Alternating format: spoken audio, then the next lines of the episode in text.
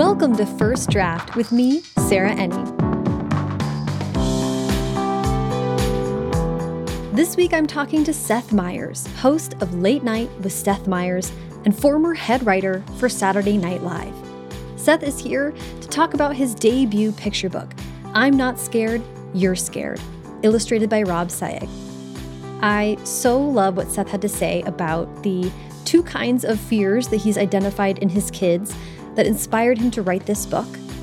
He talks about writing for performers, which now includes every parent who picks up this book at storytime. He talks about the upside of bombing, and he talks about his late night show's deliberate effort to feature more authors and why they make such great guests. If you enjoy First Draft, there's a lot of ways you can help support the show. First and foremost, by joining the First Draft Patreon, where for 5 or $10 a month, you'll get access to an exclusive community forum where we are sharing information and encouraging each other and sharing playlists and talking about musicals, and monthly video chats with me, which are quickly becoming the highlight of my months. 15% off all First Draft merch, and that includes the Jon Klassen designed line of podcast loving dinosaur merchandise, and much more. You can check that out at patreon.com slash firstdraftpod. If you want to skip all the hullabaloo and just donate directly to the show on a one-time or recurring basis, you can do that at paypal.me slash firstdraftpod or by donating via Venmo. The show is at First Draft Pod on there. Shocking. The show notes for this and every episode are packed with links to everything the guest and I talk about. This is a really great set of show notes. It's got some of the most classic picture books, and I have to say, it's the first time I've linked to a guest appearing on Sesame Street twice. so um, that was great fun. And the show notes are a great way to support the podcast because First Draft is an affiliate of bookshop.org. So whenever you buy a book through a link on firstdraftpod.com, part of your purchase goes to support the show, and part of it goes to independent bookstores at no extra cost to you. There are a lot of free ways you can help out as well. Subscribe to the podcast on whatever app you're listening to it right now, and leave a rating and review on Apple Podcasts or Spotify. Ratings are amazing, but if you take the extra moment to leave a review on Apple Podcasts, I'll read that at the end of the show. And sign up for the First Draft newsletter to be sure you never miss an episode and hear about news and upcoming events. Okay, now please sit back, relax, and enjoy my conversation with Seth Meyers. So, hi, Seth. How are you doing this morning? I'm doing wonderful. Thank you so much for having me. Oh, I'm so excited to chat today. I can't wait to talk about your debut picture book and the whole experience of writing it and releasing your first book. But first, I want to kind of get a little bit of background about you. So, uh, like with all my guests, I'm going to ask where were you born and raised? I was born in Evanston, Illinois, but I was raised in Bedford, New Hampshire, which is, I guess we moved there when I was in third or fourth grade, and that's where my parents still are, and that's where we grew up. Excellent. And how about books and writing when you were a young kid? How was that a part of growing up for you? Books are a huge part of growing up for us. Reading with my parents was absolutely how every single evening ended. And then uh, both my brother and I developed into really robust readers as we got older. And that was a solitary endeavor where I never felt alone because I loved the comfort of reading somebody else's words. And then writing wise, I always had a strength as a writer in school. It was one of my few strengths, but I loved doing it and I loved uh, writing fiction. I wish I'd done more of it. I think if it, I would give any advice to uh, young writers, it's how much you learn from writing and yes. and you think you learn a lot from reading, but the reality is you have to uh, write to realize how hard it is to get from an idea to something as good as what you've read. Yeah, yes, that's huge.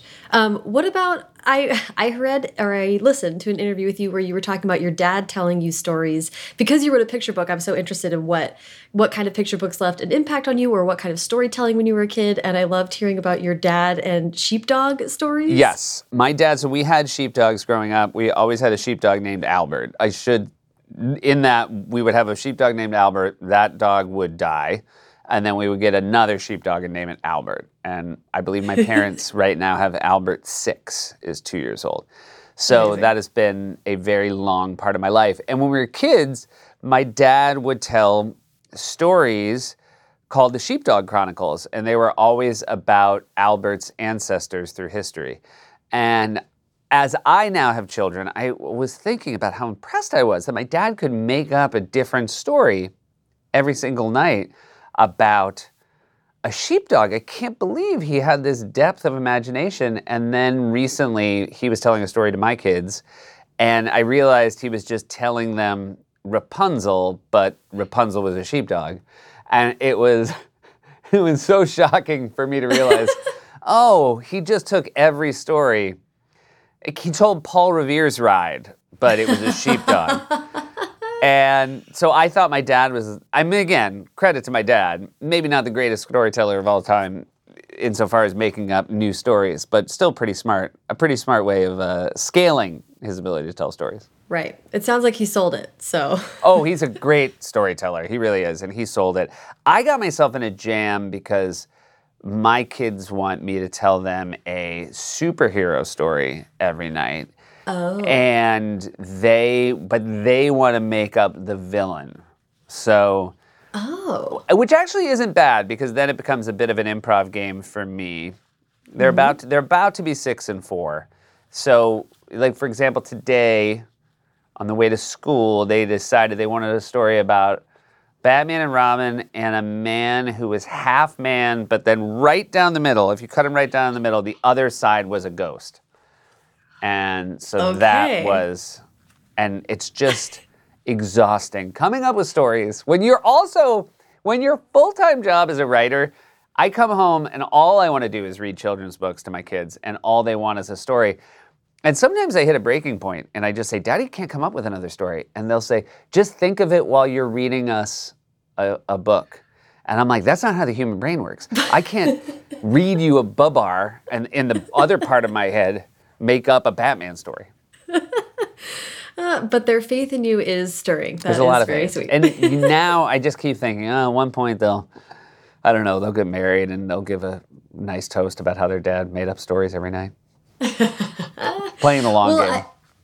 I- yes. Um, I actually want to ask about growing up for you. I know you were a big reader, but you were also a comic book fan. yeah. And I'm interested in how that kind of that's such a different way. Talk about the brain working in different ways. Yeah. Such a different way of reading.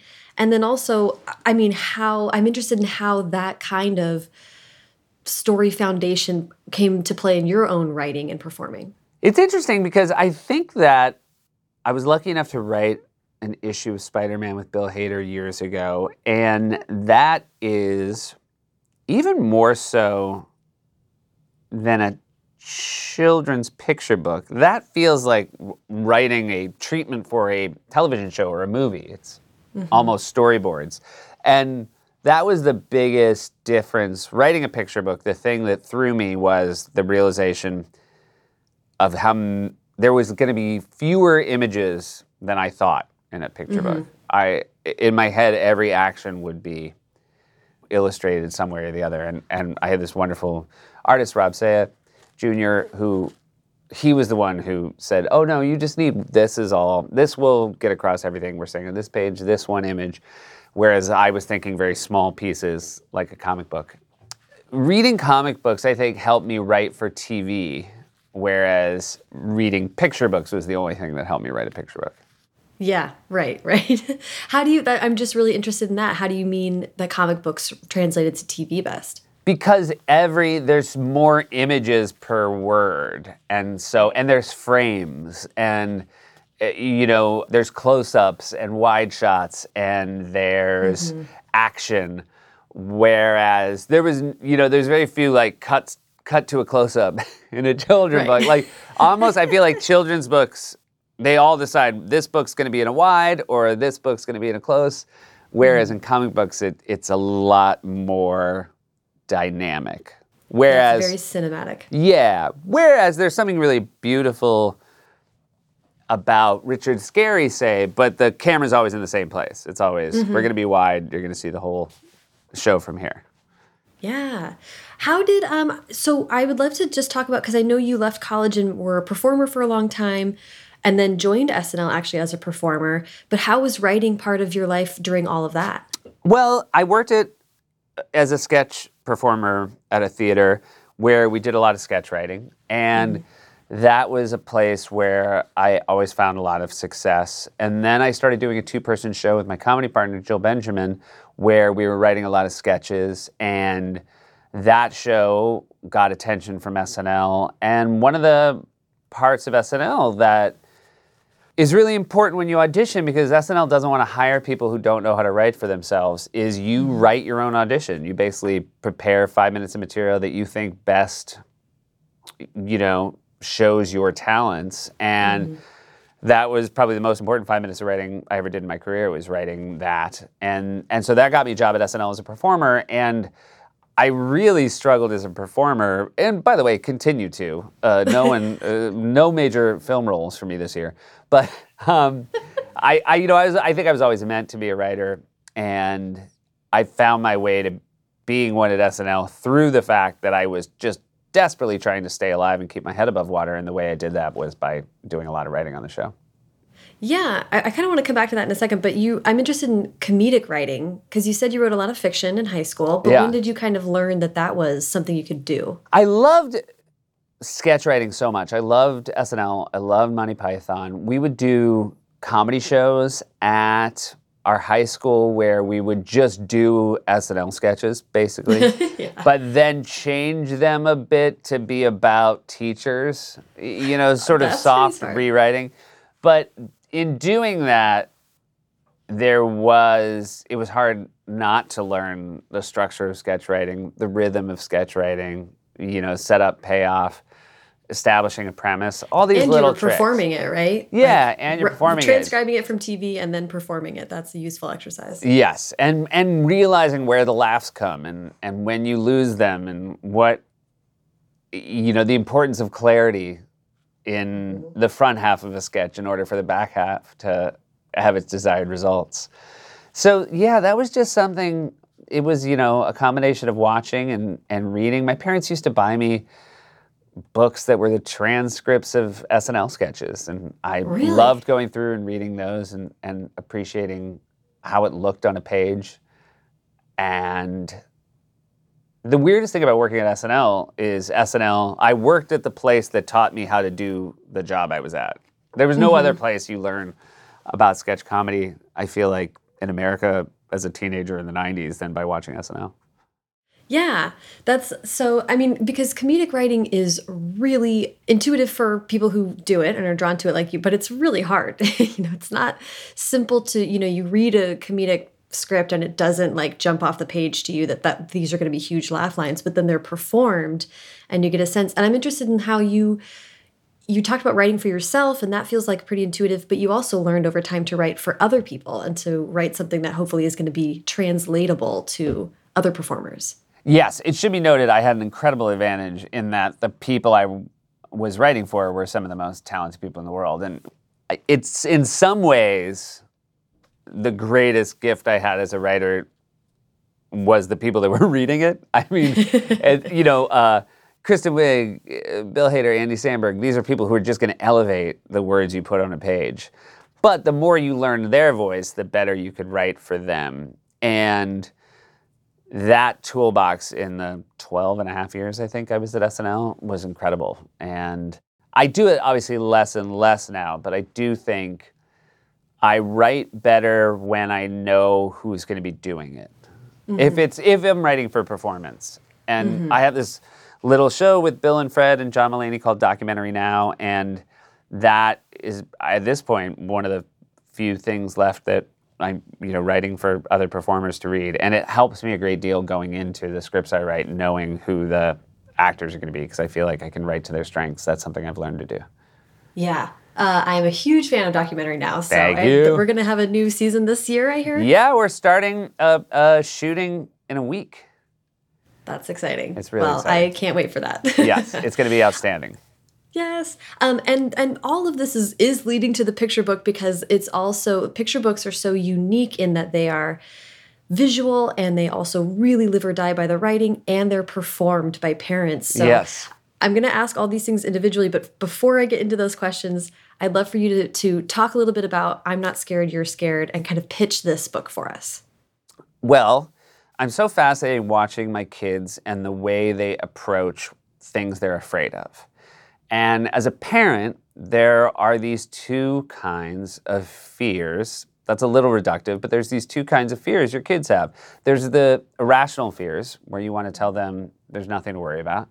And then there are the things that you are happy they are afraid of, that they have an internal sort of risk meter that is telling them not to run across the street or not to go to the top of the jungle gym and jump off.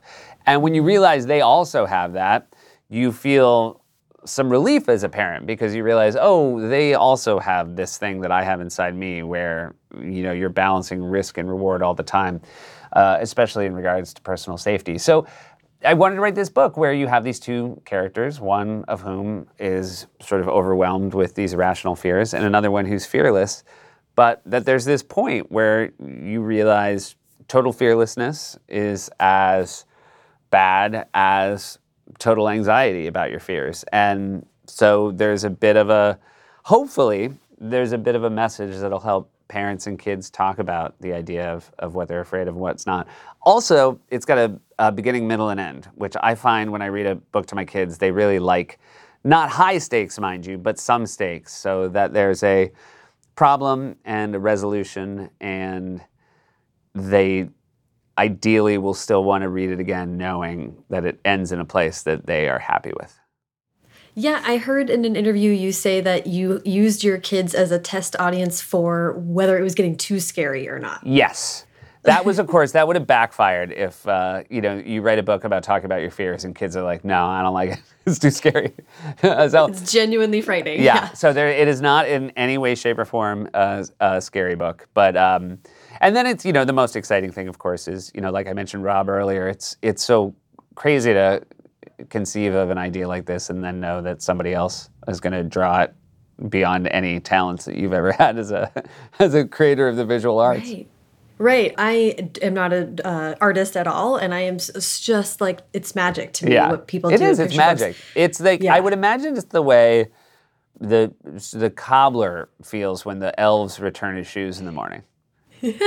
right. Just like oh I, oh, I just left out some leather and shoelaces, and look at this. Put these on. um, the other, I mean, the thing about the artistry of picture books is often the illustrator gets the punchline like the yes. actual drawing itself is something that a kid will like pour over and just spend time with and not the words. So how did you think about the interplay of those two things when you were writing this? It was probably the biggest education for me. I knew how to tell the story and you know, there's a repeated phrase, which is the title of the book, I'm not scared, you're scared. And I knew how to weave that in because that sort of felt to some degree like sketch writing. Mm-hmm. You know, uh, not quite a catchphrase, but this rule of threes, there was a rhythm to it. And I just deferred so much to Rob's better instincts on the drawings. There were things I knew I wanted. I wanted there to be a character that was in the book the whole time that you didn't notice until mm. they became a character, so that when the kids read the book again, they would realize that it's not a sleight of hand, so to say, but we weren't pointing at it from the beginning. So mm-hmm. it would be fun for them to go back and look. And my kids love books where there are dotted lines that show where uh, vehicles go. I, I, can't stress Great. enough how much they love a dotted line. So it's, it's uh, the Indiana Jones thing, right? Absolutely, they just love, and so I'm very excited that we got a dotted line in there. And so those were the visual, there were a few visual touches like that that I knew I wanted, but I also knew that Rob would understand how to execute them better than I would. Yeah, it sounds like you and Rob were able to talk and and discuss how the book was going because sometimes they keep illustrators and authors totally separate. Oh no, we were totally on the same page, and it was you know again this process of here are character designs, and then you sign off on those, and here are what look like movie storyboards, just basic line drawings, so you know you have a sense of what each frame is going to look like. And we went back and forth a few times, small little notes, very never more than four per pass, and and and more small than than gigantic. I, again, it's very. You want it to be a major problem before you tell an artist they have to completely redraw a page. Right. Yeah. Yes. That's the other thing. You're just like, wow, uh, what Yeah. you are doing is so much Yeah. more involved than a Word document. Right. It was. You know, it wasn't at the last minute. I wouldn't have said like instead of a bear, should it be a rhino? What did it struck me that the the scared character is a bear and the brave or fearless character is a rabbit. What was the choice of having the, you know, this gigantic, intimidating character be the scared one? I think that I should say, and sometimes I think you just hear a thing and know you want to write a thing. And I did like the way there once was a bear who was easily scared sounded as a first line in a picture book. So to some degree, it was a bear because that rhymed with there and scare. and just and there was something it was slightly lyrical in a way that I wanted to keep going so once I had a bear be the one who was easily scared, I did like the humor of a fearless small rabbit, who are often rabbits get short shrift in children's books, often very do. scared. Sure, every now and then you get a Peter Cottontail out there who's you know without fear, but uh, in general, in general, they're presented as, as pretty scary, as a pretty scary lot. Justice for picture book rabbits. Exactly. uh, what's the um, Watership Down? Uh, Yes. Can I? This is. I don't even think my mom will listen to this. My mom took me to Watership Down when I was way too young. The animated film, which is. Have you seen? I haven't seen that one. It is horrifying. It is a horrifying book about like a rabbit tragedy. Uh, uh, uh, bloody, horrifying. Do not. If you got a kid out there and you're thinking he likes rabbits, I'll show him Watership Down. Do not do that. That's a do not go. Yeah, I, I, I revisited the Rats of NIMH animated movie recently. Oh, yeah. And was both like horrified and also like, this explains so much of why I am the way I am. Like, I watched this at a very impressionable age. I remember that movie. Yeah, it was a Uh, yeah. scary one. Dark. It was dark. There was a weird period of time where I think animators forgot kids were watching their movies. yeah. The Black Cauldron was another one that was way Yeah, scarier. uh, the Hobbit animated movie. Horrifying. was- Ralph Bakshi, great, but horrifying, terrifying. Yeah. Yeah. Also, uh, Tolkien wrote The Lord of the Rings, or he wrote The Hobbit because he came up with there once was a hobbit that lived in a hole in the ground. So, first line inspiration is it's uh, worth you know what? pursuing. I don't, I don't know. I feel like mine's a little better. I do want to ask about the performance aspect of picture books because you are writing for basically you're writing for every parent who Yeah. brings this book home, um, and that's one of the magic things about picture books is that they do get interpreted or Yes. acted out or how however a parent interacts. But you had to have that in mind when you were writing it as well. Yes, and I like that there if you're the kind of parent who wants the kids to finish sentences, there is a call and response element to I'm not scared, you're scared. There are two different character voices that you want to do. There's dialogue back and forth. And so I think it I hope that it's open to any uh, parenting performance style that you might want to flex your muscles on. I should say my kids don't love when I do voices. Um, Really? Yeah, they, they don't. It takes them out of it. And so Interesting. I don't know if there's other parents out there who've run up against that, but they, um, and I don't. My speaking voice isn't. It's not like A plus or anything. So I feel like they're making a huge mistake, but they don't.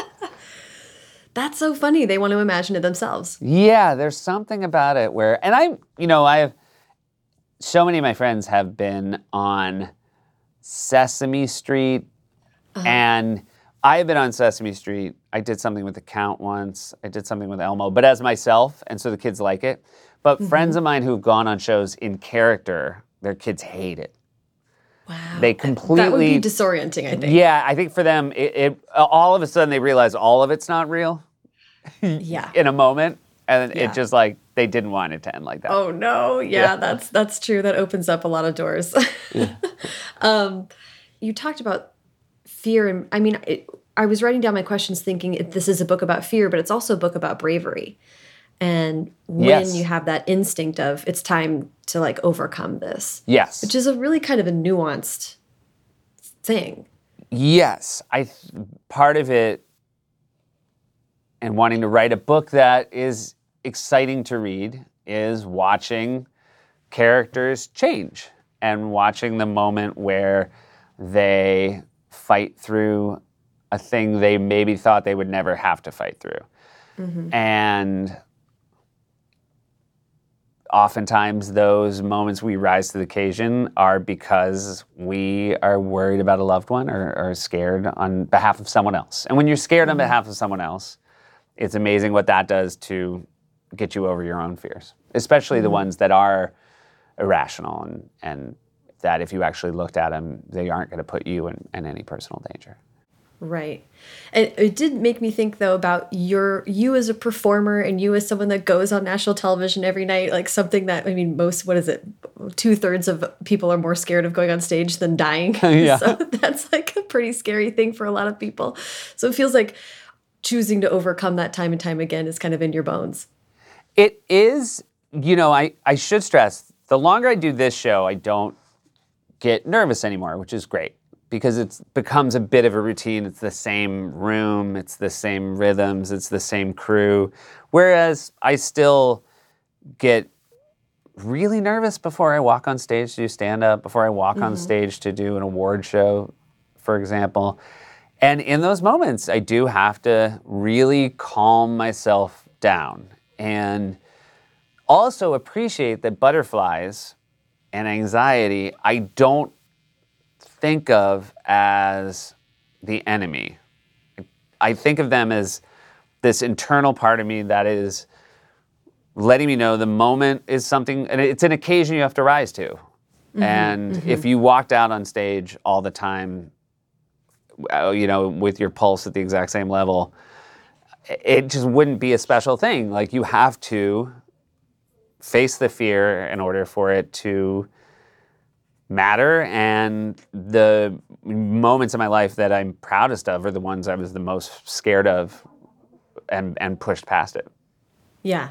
Yeah. I, I also listened to an interview where you said that you were, this was an older interview, but you were talking about a joke you did that really did not work at all on late night in the early times, and that that was one of the happiest moments you'd had on the show so far. It's true. But it's amazing how I think there's something that when you tell a joke that really bombs, especially if you thought it was really going to work, it's so weirdly joyous because it reminds you you're nowhere near close to done. this is the work that you've chosen to do is not only your life's work, but it will become, you know, for time in memoriam will people be trying to write jokes that are going to work with human beings and they're going to just get it wrong all the time. And it's so eh, to strike out with 180 people at one time is so funny. Uh, well, and that reminds me of, you know, I was thinking about there's a lot of late night hosts that have done picture books and and in thinking about it, I was like, in some ways you're maybe the most suited for it because picture books are all about audience, like a live, like Yes. and and not an audience that's going to be overly kind, right? Like no kid is going to give their Oh, I parent the benefit of the doubt with that kind of thing.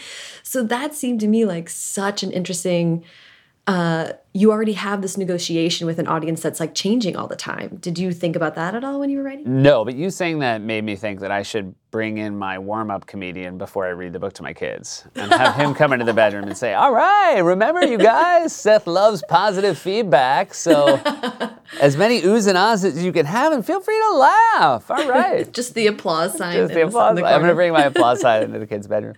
Um, you know, I think one of the reasons maybe all of the late night hosts write it is the only audience that we're sort of not performing for are our kids. And to some part of it is probably just ego and wanting to throw our hats into the ring as well. I mean, listen, we're all out here writing books for for mostly that reason. so. Absolutely. Look, we know who we are. We know who we are. I just want to give my gift to the world. Come on, Nobody believes that. How did you find this process? Publishing, you do a daily television show, and Yes. publishing is as it's like glacially. That's the only part I hated. It was so slow, and I've never had to wait this long for a thing I wrote to be able to be read. And Mm-hmm. I have deep appreciation and admiration for the length of time it takes for the art to get done. But even then, it felt like, what in the world's time?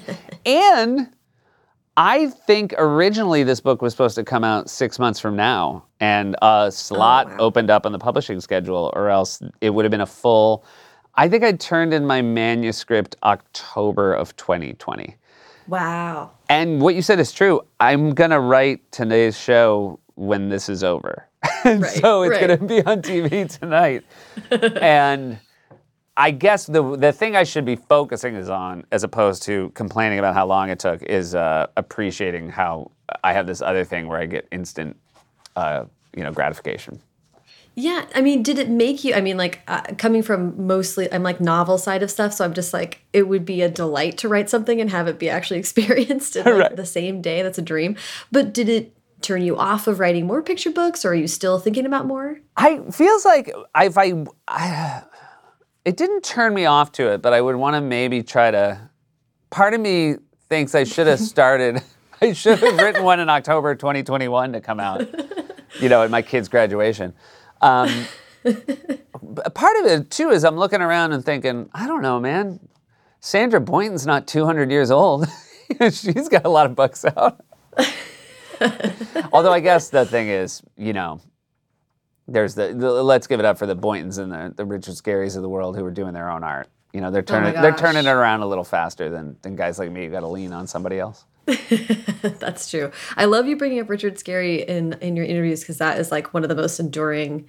Uh, I have a younger brother, so I got to like experience that with with him, and it was just so special. It's really the best. We had a really funny thing happen. There's a book, a Richard Scarry book about peasant pig.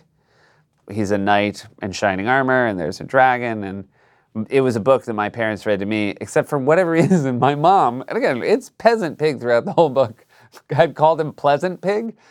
and so it was this really jarring thing that the first time she brought it up, was, oh, grandma brought a book that I used to read. I'm like, mom, it's very not helpful. It's a whole uh, different. But it's so it's so weird what they what they like and like Babar books. They really like Babar books, which are just sort of sort of very like languidly rolling stories mm-hmm. that eventually there's some stakes in a you know place they need to get, but a lot of you know just go we're and then they went to the market. and Yeah. they, you know they bought some stuff at the market, and but that world, I think they just buy into world building, and they Yeah. like, and it's a. I think that the mistake you can make writing these is underestimating your child audience. Mm-hmm. And so, if I continued to do the, this, I would want to make sure that I didn't fall into that trap. Yeah, you know, you're reminding me of I spoke with Mac Barnett, who's a kind of prolific picture book author. He doesn't do his own illustrations, but he also has a background in sketch comedy. And he was talking about how writing sketch comedy and finding that perfect ending that that was satisfying but also left people with something Yeah. informed how he wants to end his picture books because his audience he was like, you know, my audience is just as astute as Yes. those improv Olympic, you know, audiences are. So I want to leave them with something that is a little bit like exciting as opposed to just like it all wraps up in a bow. Yeah. It's true. They they have an incredible appreciation for structure. And you can tell I don't think they would be able to express this, but they like they like the books where the author knew what they were doing. And mm-hmm. it's amazing how quickly I know a book is never going to get picked up again. Hmm. You, you just mm-hmm. realize, nope, this is not especially because sometimes books are just these are the things that happen in the town and you read it and you want to say oh no richard Scarry did this there's no you're not even in the neighborhood at Yeah. the kind of intricacies if it's not about a story it has to be so dense with information for a kid to want to go back to it Yeah. Yeah, I'm thinking about the Where's Waldo, right? Like half the time I wasn't even looking for Waldo. It was just like, what else is Yeah. happening here? Um, well, I want to ask about hosting authors on your show and then also wrap up with some advice for people who are interested in, in writing comedically. So, I mean, I'd love you're one of the only late night shows that regularly features authors and really, really goes out of their way to highlight authors as cultural figures, which happened in the 70s more, I feel like. So Eh, yeah, how I think you, so. It, Yeah. you know, one of the things we we thought to ourselves when we started, we want to have politicians and athletes and authors, and the only one that's turned out to be worth it is authors. Um, Interesting. I think the modern athlete is very careful about what they say. I think they're deeply interesting people. They just don't say their most interesting things on camera. Uh, politicians are very disappointingly only answer the question they wish you'd ask them. And then authors are just by nature great storytellers. Most of them have taught at some level, so they're not spooked by being in front of an audience.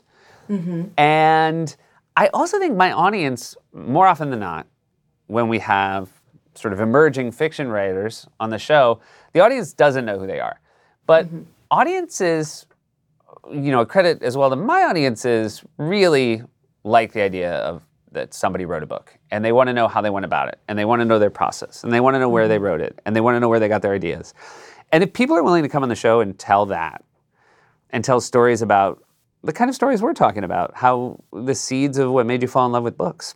Um, it's just great. I never get tired talking to authors, and even though all their stories are different, it's it, like- it's like a magician coming out and saying, "I'll show you how I did the trick." Right. Well, I also think authors are just so happy to be there. They're They so happy to be. be there, and that if that comes across. And also, you know, I should say, having the twelve thirty show, oftentimes, the bigger the star I have on my show, it's I am the last show they've done out of fifty. Right. And so you'll go back and say, thanks so much for being here. And they'll say, thanks. I'm so happy to be here. This is the last one. And I finally get to go on vacation. Uh, whereas the authors, it's like the only one. I've never had an author who's tired from having also done four other talk shows. Right, right. No, it's so special and it really does like um I don't know, make me I wasn't alive or watching late night in the 70s, but uh it feels like that was a time when there was a lot And more it's fun to go back. You know, that's a really nice. Every now and then, if you think of a '70s author you like, there's a there's a good chance they showed up somewhere in the '70s, and they're really fun to watch. So hopefully, as Yeah. well, we're we're leaving the sort of time capsules for 30 years in the future. Yeah, I love that. Um, well, with the time we have remaining, I'd love to get your advice on if you have any advice to give for people who are writing picture books, especially as one who is reading them actively to your kids. That's always a good place to get advice from. Or someone who is interested in writing comedically, whether it be jokes or or another type of writing. The comedically, especially if you're writing for performance, it's really important to read it out loud. Maybe you're not the right person to read it out loud, but have someone who has some skill as a comedic performer read it out loud. It's amazing what you can learn from hearing it. That's certainly when you're writing comedically for performance, you've got to hear it out loud. And then, you know, for picture books, I will say something I've learned as a reader, a parent who reads them, and I hopefully managed to avoid this in the book that I wrote. Try to write it so that the kids won't have a hundred follow-up questions. Oh, uh-huh. You know, when I'm reading a book to my kids, I want that to be my uh, effort. I don't want to then have to guess what the author meant. So I tried. I tried really hard to answer the questions they might have. Or have the answers in the illustrations, right? Yeah, That's they're just like- somewhere. Someone answered it, me or Rob, but it doesn't have to be the parents' job. Did you learn anything yourself about this? I mean, what strikes me is like you should look into doing like a graphic novel next because that's a really Yeah. middle ground with I would comics really, and I would really like to do that. I mean, part of it is it. You know, every time you write in a new medium, you you learn something, and you might not even know at the moment that you're learning it, but it will help you on the next thing. And so, as as much as I would one day like to maybe write another picture book, it would be great. I'd love to write a chapter book for my kids to read. I think also I'm going to constantly be chasing their tastes, and I the worst thing would be to write a book that you know again if I write it now, my son will be like 21 when it comes out. Uh, I don't want to be like that's for kids. You're just catching up with your youngest. She'll, yeah, she'll I, that's the- right. the That's why I keep of- having kids, is I want them to be in the. I want them to be uh, in the in the sweet spot. Uh, well, I loved this book so much. I hope you do another one. Uh, and thank you for all that you do for the literary community and for all the all the great stuff. I'm a big fan. So Thank you. This was a delight talking to you. I appreciate your time.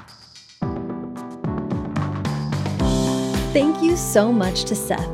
Follow him on Twitter and Instagram at Seth Meyers, And follow me on both at Sarah Enni and the show at First Draft Pod. First Draft is produced by me, Sarah Enni. Today's episode was produced and sound designed by Callie Wright. The theme music is by Dan Bailey, and the logo was designed by Colin Keith. Thanks to social media director Jennifer Nkosi and transcriptionist at large Julie Anderson. And as ever, thanks to you, cars and trucks and things that go, for listening.